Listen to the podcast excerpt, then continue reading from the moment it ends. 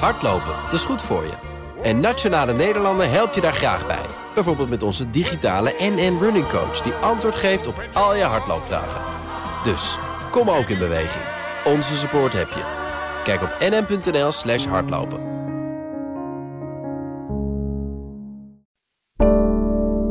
Nu het Gronings gasveld definitief dichtgaat en daarmee een einde komt aan goedkope energie, klimaatverandering de boardrooms heeft bereikt en bedrijven dwingt te verduurzamen, rijst de vraag waar Nederland in de toekomst zijn geld mee gaat verdienen. Hoe erg is het dat het hoofdkantoor van Shell, Unilever en DSM niet meer in Nederland staat? Komt er een groene economie en hoe ziet die er dan uit? Hoe belangrijk is de maakindustrie eigenlijk voor Nederland? Of kunnen we volstaan met consultants? Moet de politiek actief industriebeleid gaan voeren of juist alles aan de markt overlaten? Ik, Pieter Kouwenberg, ga samen met mijn collega Bert van Dijk op zoek naar het toekomstig verdienmodel van Nederland. Door met verschillende mensen in gesprek te gaan. Dit is aflevering 2. De ondernemer. Nou, we zijn in uh, Schiedam, dus uh, onder de rook van Rotterdam. En we zitten ja, uh, zoals jij dat zou noemen, een non-descript industrieterrein. Ja, en, uh, we staan voor het, zijn, het, het zijn wat dozen. Ja, en een van die dozen, dat, uh, dat is de doos van Battleizer Systems. Je had me beloofd dat je me meebracht naar waar wij als Nederland in de toekomst ons geld mee gaan verdienen. Nou, dan, de, dit is toch wel een van de bedrijven die daar denk ik wel een kans toe maken. Dit is een, een bedrijf dat in het hart zit van de energietransitie in Nederland. Ze maken apparaten die nodig zijn voor uh, het maken van waterstof. Nou ja, waterstof, is natuurlijk de ja, grote. Brandstof. Precies, en daar hebben je apparaten voor nodig, de waterstoffabrieken. En daar moeten, ja, in die fabrieken moeten apparaten staan, electrolyzers, om uh, die waterstof te maken. En zij maken een hele speciale soort electrolyzer, omdat en... het ook tegelijkertijd een batterij is. Dus dat is een, uh, ja, het is een heel bijzonder product en het is volledig Nederlands. En het komt voort uit de TU Delft. Het is een, ah, het is een eigen uitvinding. Ja. Het is made in the Netherlands. Made in, developed in the Netherlands. Oké.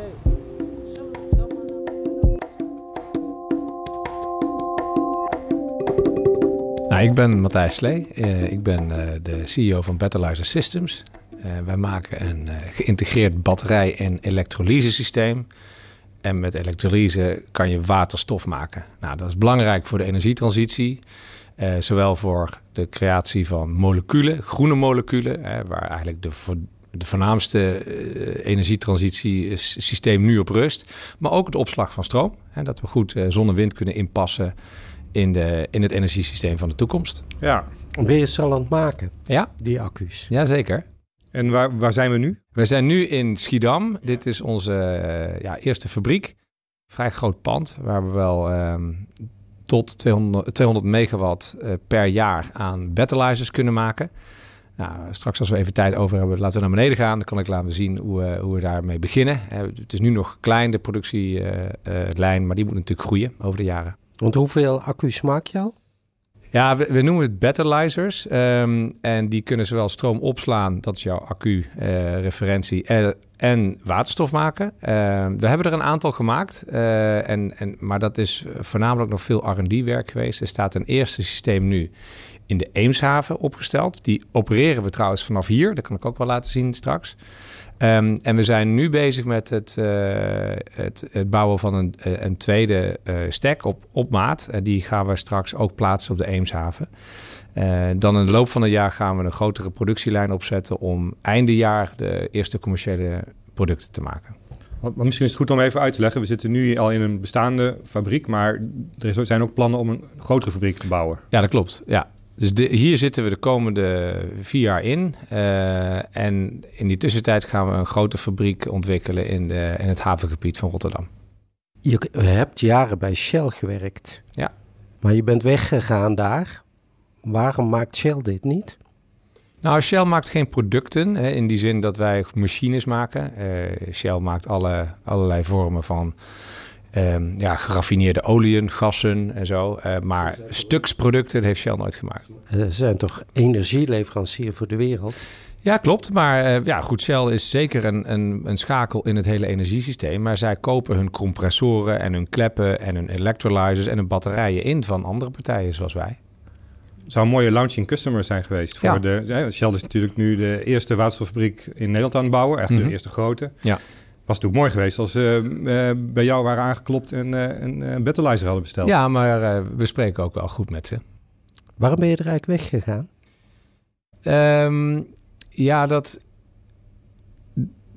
dat eigenlijk was een beslissing wat op, een beetje op mijn pad kwam. Eh, even heel kort, ik ben begin al, begonnen als ingenieur, grote projecten gedaan. eh, de eerste tien jaar over heel de wereld. Daarna eigenlijk opgeschoven naar een meer commerciële rol. Ehm, dat vond ik erg leuk. Eh, ook in Shell Ventures eh, gewerkt. Dus eigenlijk toen keek ik al naar technologie startups zoals deze. Uh, daarna bij Shell Hydrogen verantwoordelijk voor, voor Europa. Om daar een, ja, een waterstofbusiness te ontwikkelen. En toen kwam ja, dit op mijn pad. Uh, en terwijl ik bij Shell Waterstof zat, probeerde ik eigenlijk een, een waardeketen te, te, bouwen. Van offshore wind naar electrolyzer en dan downstream refining en dan waterstof voor mobiliteit en zo verder. En dat was nog voor uh, de Oekraïne-oorlog. Dat was knap lastig. Uh, het moest helemaal aan elkaar geïntegreerd zijn en heel flexibel zijn om met uh, ja, de veranderlijkheid van zon en wind om te kunnen gaan. Dus handelen eigenlijk. Ja, en dat konden gewoon electrolyzers niet zo goed. Uh, en toen kwam ik, werd ik eigenlijk gevraagd hiervoor. En toen viel het kwartje van mij van wauw, dit, dit past en dit lost echt een probleem op. Maar bij Shell kun je echt het verschil maken, toch? Er is geld beschikbaar, daar... daar... Ja, ik, ik, denk, ik denk zeker. Dus ik ben uh, heel vroeg begonnen bij de New Energies afdeling, heette dat zo. Dus de, de, de, de groene tak. Uh, de eerste 50 zat ik daarbij. Toen ik wegging was het nou meer dan 2000 man. Dus ik werd wel een, een kleine radartje in een grote geheel. Ja, en hier had ik de kans om het eigenlijk ja, uh, zelf uh, te, kunnen, te kunnen sturen. Um, en ik denk dus dat ik bij Shell impact heb kunnen maken en, en nu weer. Ja. En je bent een van de mensen die natuurlijk nu eigenlijk in het hart van de energietransitie uh, ja, met een nieuw bedrijf uh, aan de gang is gegaan. Hm. Zie je dat veel meer om je heen nu gebeuren? Dat er veel van dit soort bedrijven in, in, de energietransitie in Nederland ja, opkomen? Nee, ik vind het, het mag nog meer wat mij betreft. Ik denk dat er veel innovatiekracht nodig is. Het spreekt aan bij jonge mensen. Dus we hebben eigenlijk geen moeite om talent te vinden. Uh, ik denk dat er een enorme potentie zit. Ook omdat heel veel dingen nog niet helemaal uitgedokterd zijn. Kijk, een, een jonge bedrijven in, laten zeggen, offshore wind is gewoon lastig. daar heb je een bepaalde ja, grootte voor nodig.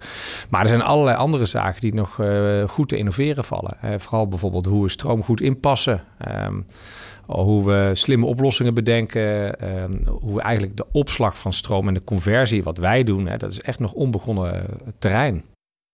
Als we zeggen, bedrijven zoals het jouwe, daar gaan we in de toekomst ons geld mee verdienen. Wat moet Nederland dan doen om te zorgen dat er heel veel van dit soort bedrijven gaan komen en ook overleven?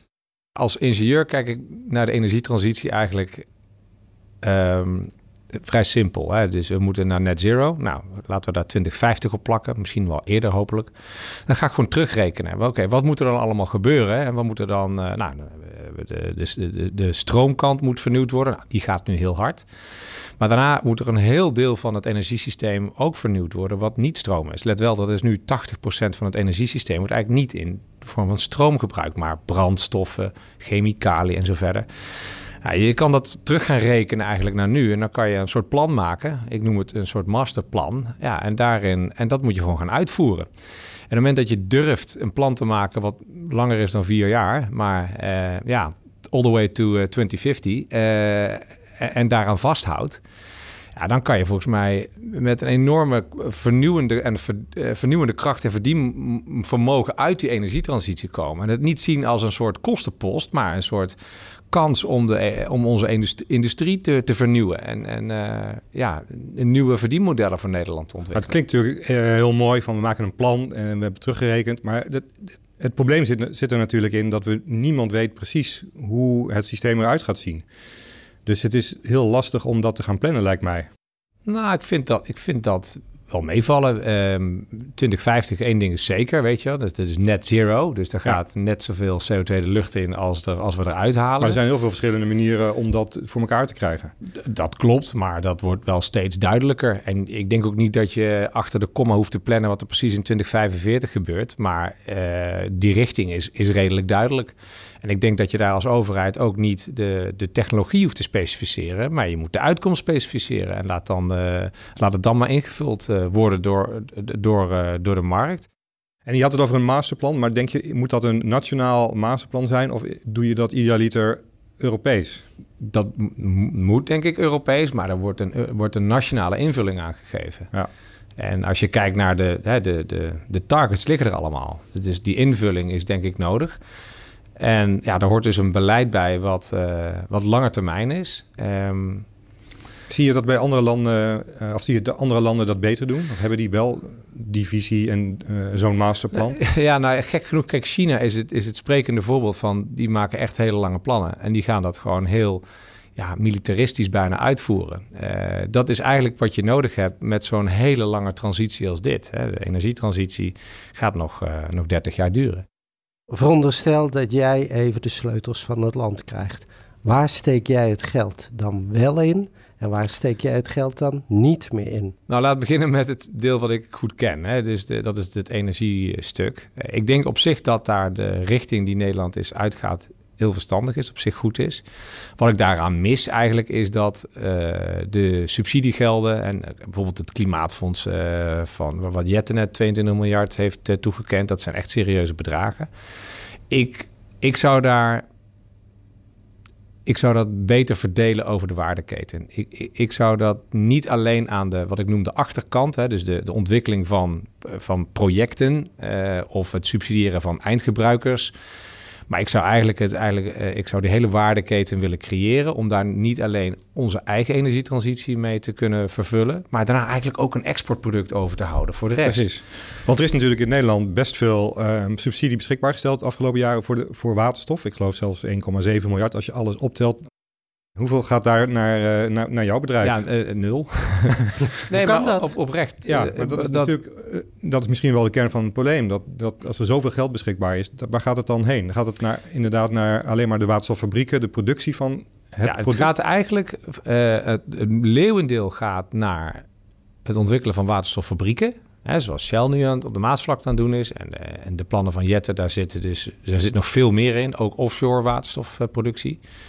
Dan gaat er ook nog een deel naar transport en distributie. En dan kan je denken aan de, de backbone, hè, dus het pijpleidingnetwerk wat in Nederland gepland is. Dan zit er aan de maakkant werkelijk een gat. Dat is gewoon nul. En dan wat er wel is, dat is opmerkelijk, dan zit er aan de voorkant daarvan, hè, dus aan de, kennisinstellingen en ook de, de componentleveranciers, uh, daar zit wel weer wat.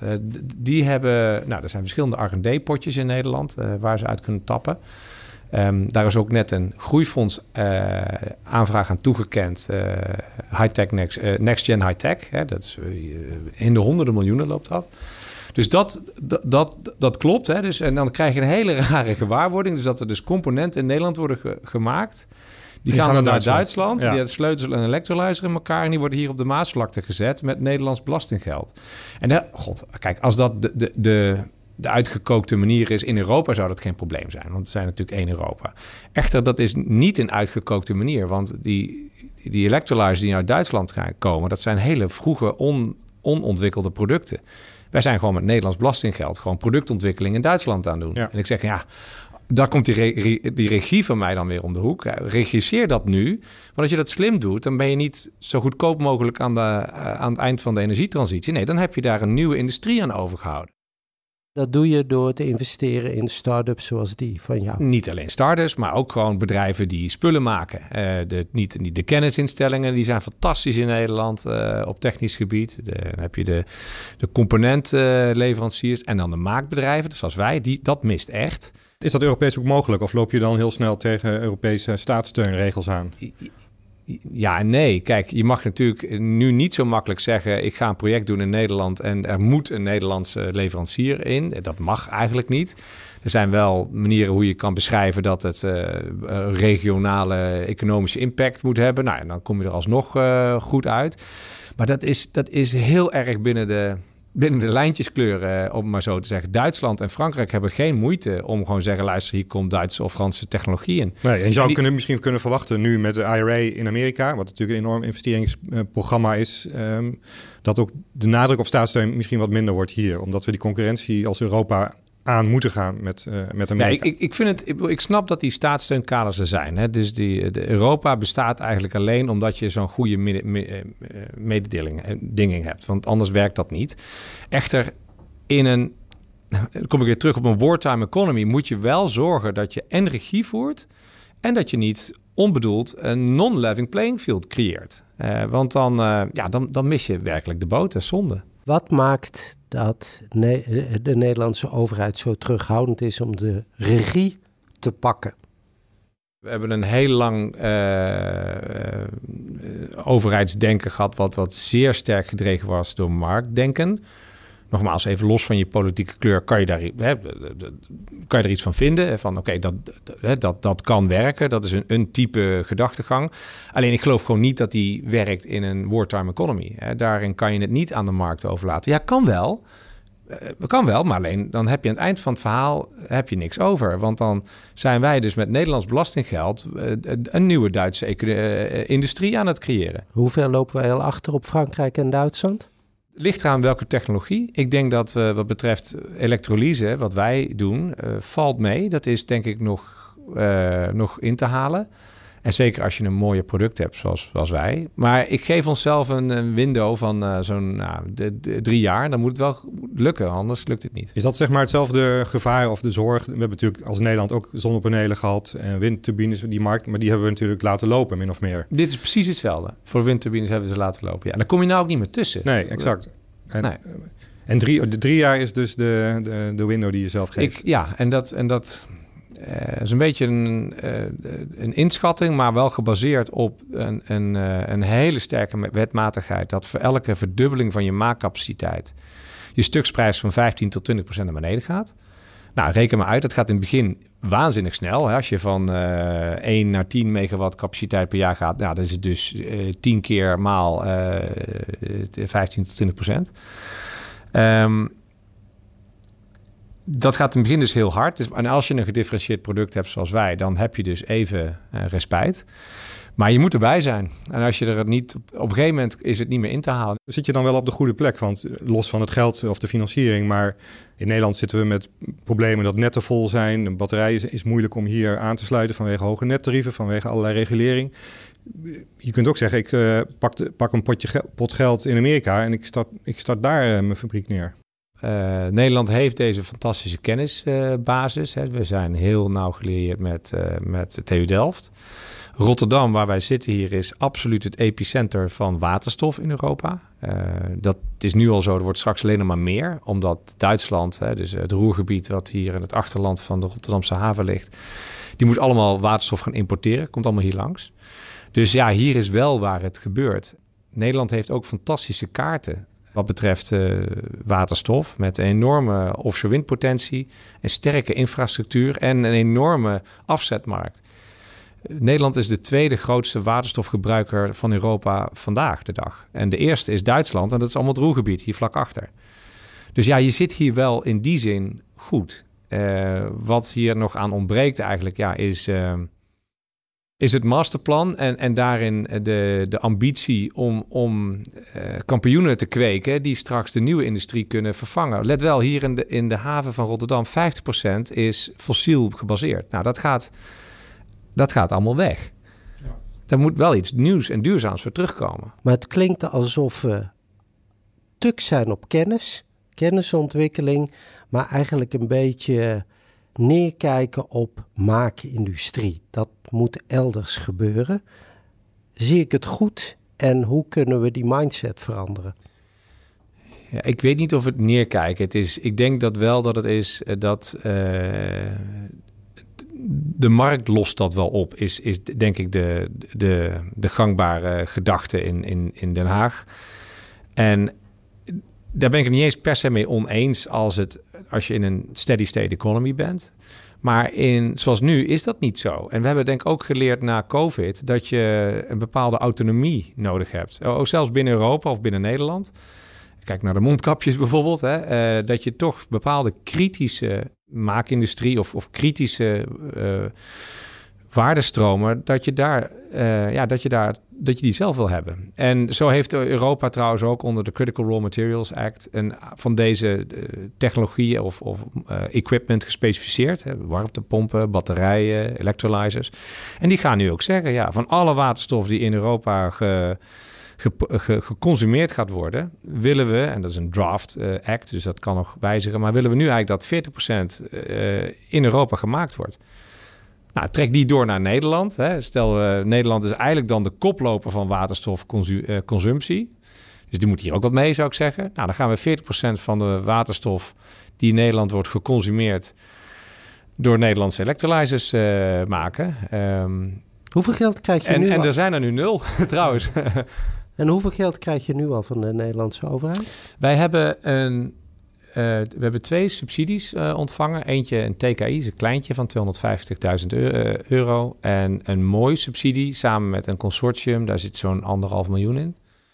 Dus dat is het voor nu. Um, en het groeifonds, en, groeifonds en, en NL Invest? Nou, groei, nou, en InvestNL die, die, die geeft geen geld. Hè. Die, die investeert als een durfkapitalist. Um, en die gesprekken lopen. Die, daar, uh, dat zou een goede partner voor ons kunnen zijn. Uh, het groeifonds waar je op doelde, daar hebben we een aanvraag voor ingediend. Dus publiek. Uh, dat is best spannend, want volgende week verwachten we daar uitslag op. Ja, en dat is voor ons wel een soort strohalm eigenlijk. Want in het hele subsidielandschap is er geen instrument die op maakindustrie aansluit. En het groeifonds is een beetje ja, de, de catch-all, om het zo maar te zeggen. Dus daar hebben we eigenlijk alles op ingezet om daar wel uh, de steun uit te krijgen. Maar als dat niet lukt, is dat, uh, ja, zal, dat, zal dat vervelend zijn. En Europese regelingen of subsidies, die zijn er ook? Die zijn er ook, klopt. Uh, die zijn wel zeer competitief. Maar die zijn er ook. Er is een innovatiefonds, subsidietraject waar we ons voor ingeschreven hebben. Ja, dat is wat minder lastig of wat lastiger in te schatten. Omdat nogmaals zoveel partijen op, op inschrijven. En ook de keuzes uh, ja, zijn mij, mij wat minder transparant. uh, hoe die gelden precies verdeeld worden. Ja. Nog even terug naar dat masterplan of de, de, de overheid die regie moet nemen. Zie je iets van signalen of tekenen dat dat gaat gebeuren? Of, of heb je, laat ik zo zeggen, heb je er vertrouwen in dat dat toch uiteindelijk gaat komen? Ik was woensdag bij uh, uitgenodigd uh, in een ronde tafelgesprek met uh, allerlei mensen uit het bedrijfsleven en de, en de, academische wereld door economische zaken. Om precies hierover te spreken. Wat zijn de sleuteltechnologieën in Nederland? Waar moet Nederland eigenlijk een beetje extra op inzetten? Welke accenten moeten ze leggen om beter voorbereid te zijn op de toekomst? En daar sloot minister Mickey Adriaansens ook aan aan het eind. Dus ja, ze, de overheid is hier zeker mee bezig. Maar dat is wat anders dan ook daadwerkelijk het omzetten in beleid. Ja, en, en... nou, daar ging ik heen. Dus ik, ik, dit is het begin, laat, laat ik het zo zeggen. Ik, ik, ik hoop dat, er, dat, dat men durft te kiezen. Met wat voor gevoel ging je weg bij die bijeenkomst? Dat er nog veel werk gebeuren moet. ja. Ja, maar op zich, bedoel, ze zijn er mee bezig. Ik, ik, maar, ja, ik ben positief van aard, dus... Um, als dit wordt aangepakt hè, en, er wordt hier richting gekozen, en ik mocht ook even met uh, minister Adriaanse spreken naar de hand. Uh, ja, die wil wel kiezen. Uh, alleen die, die, die, vindt, die vindt het ook wel moeilijk. Want die, uh, als je voor iets kiest, kies je ook niet voor iets anders. En dan kan je natuurlijk snel mensen teleurstellen. Maar ik denk dat het enorm nodig is, want die focus is nodig, die concentratie is nodig om de dingen waar je dan voor kiest, om die te laten slagen. Waar loop je zelf aan, tegenaan als ondernemer? Behalve financiering vinden en de boel draaiende, draaiende houden. Maar wat, waar lig je s'nachts wakker van? Wat is je grootste zorg? Um, ja, dat, dat, dat verandert dus in de tijd. In het begin was het, uh, uh, uh, het zoeken van de, de, goede mensen. En dat blijft eigenlijk altijd wel, wel lastig. Hoewel we geen problemen met vinden van mensen in algemene zin. We hebben heel veel aanmeldingen. Alleen goede mensen die echt net het juiste brengen uh, wat je nodig hebt, is altijd lastig.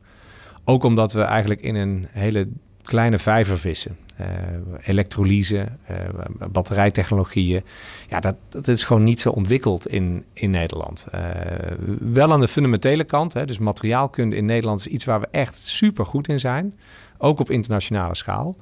Maar die industrialisering daarvan is, ja, die is er gewoon eigenlijk niet. dus dat is hard zoeken.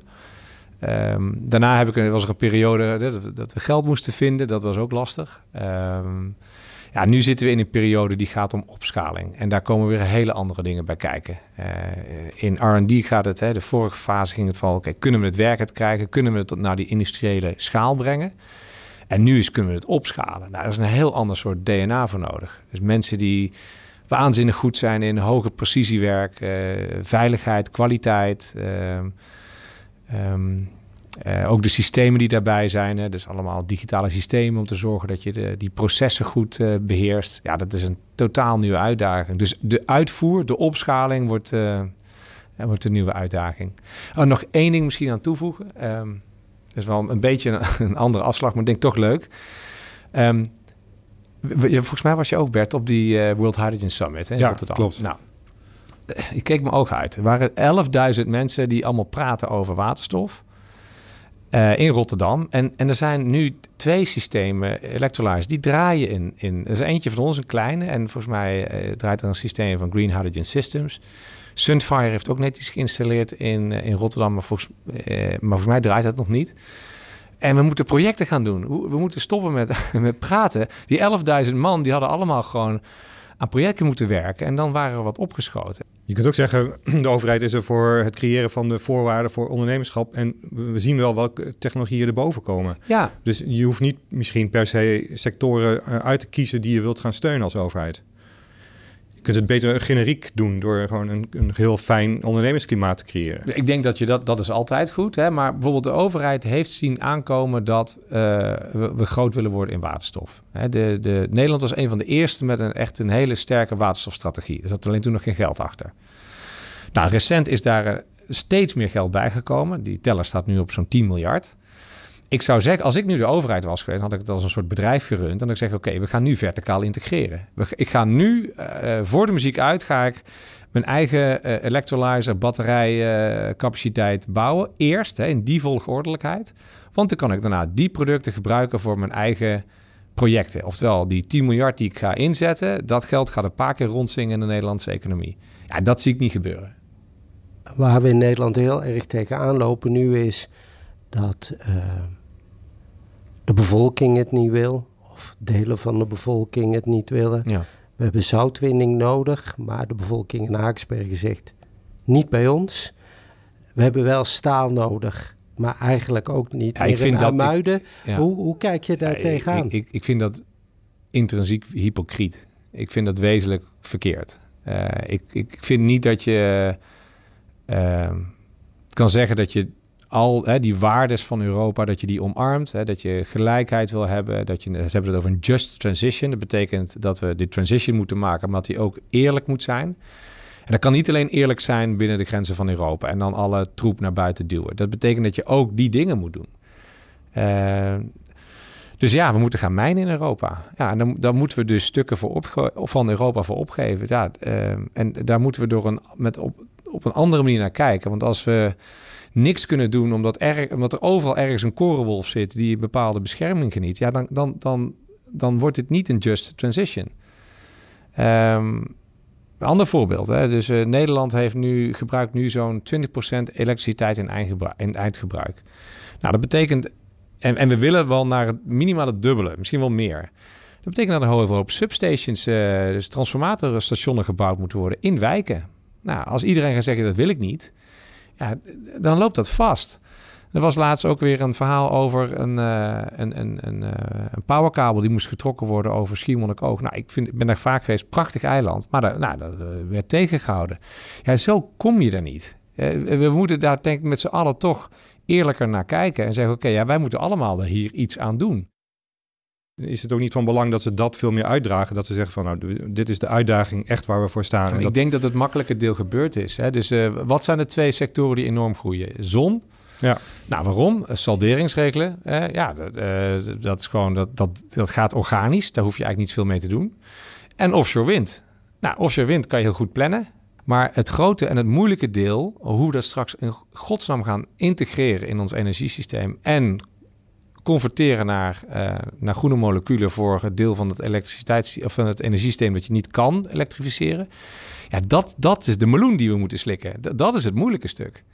En, en, die discussie is gewoon eigenlijk nog niet begonnen. En dan heb ik, staan er los van de materialen die we nodig hebben, die we ergens vandaan moeten halen. Klinkt als een enorme uitdaging. ja. En, en, maar, ook, uh, maar ook een kans. Hè? Uh, dat, dat probeer ik de hele tijd te benadrukken. Laten we dit niet zien als een soort kostenpost die we zo goedkoop mogelijk moeten zien te door te komen. Nee, draai het om en maak hier een, maak hier een verdienmodel van. We zitten nu uh, niet op locatie ergens in het land, maar in de podcaststudio van het FD in Amsterdam. Wat is er aan de hand? Ja, we zitten niet uh, op locatie inderdaad, want normaal doen we dat inderdaad. Dan, uh, we nemen een kort gesprekje op naar het, na het gesprek dat we hebben gehad met uh, degene. Maar dit keer niet. En dat heeft ermee te maken dat er ja, nieuwe ontwikkelingen zijn sinds het gesprek eigenlijk. Wat ik me herinner is dat we razend enthousiast weggingen daar uit Rotterdam.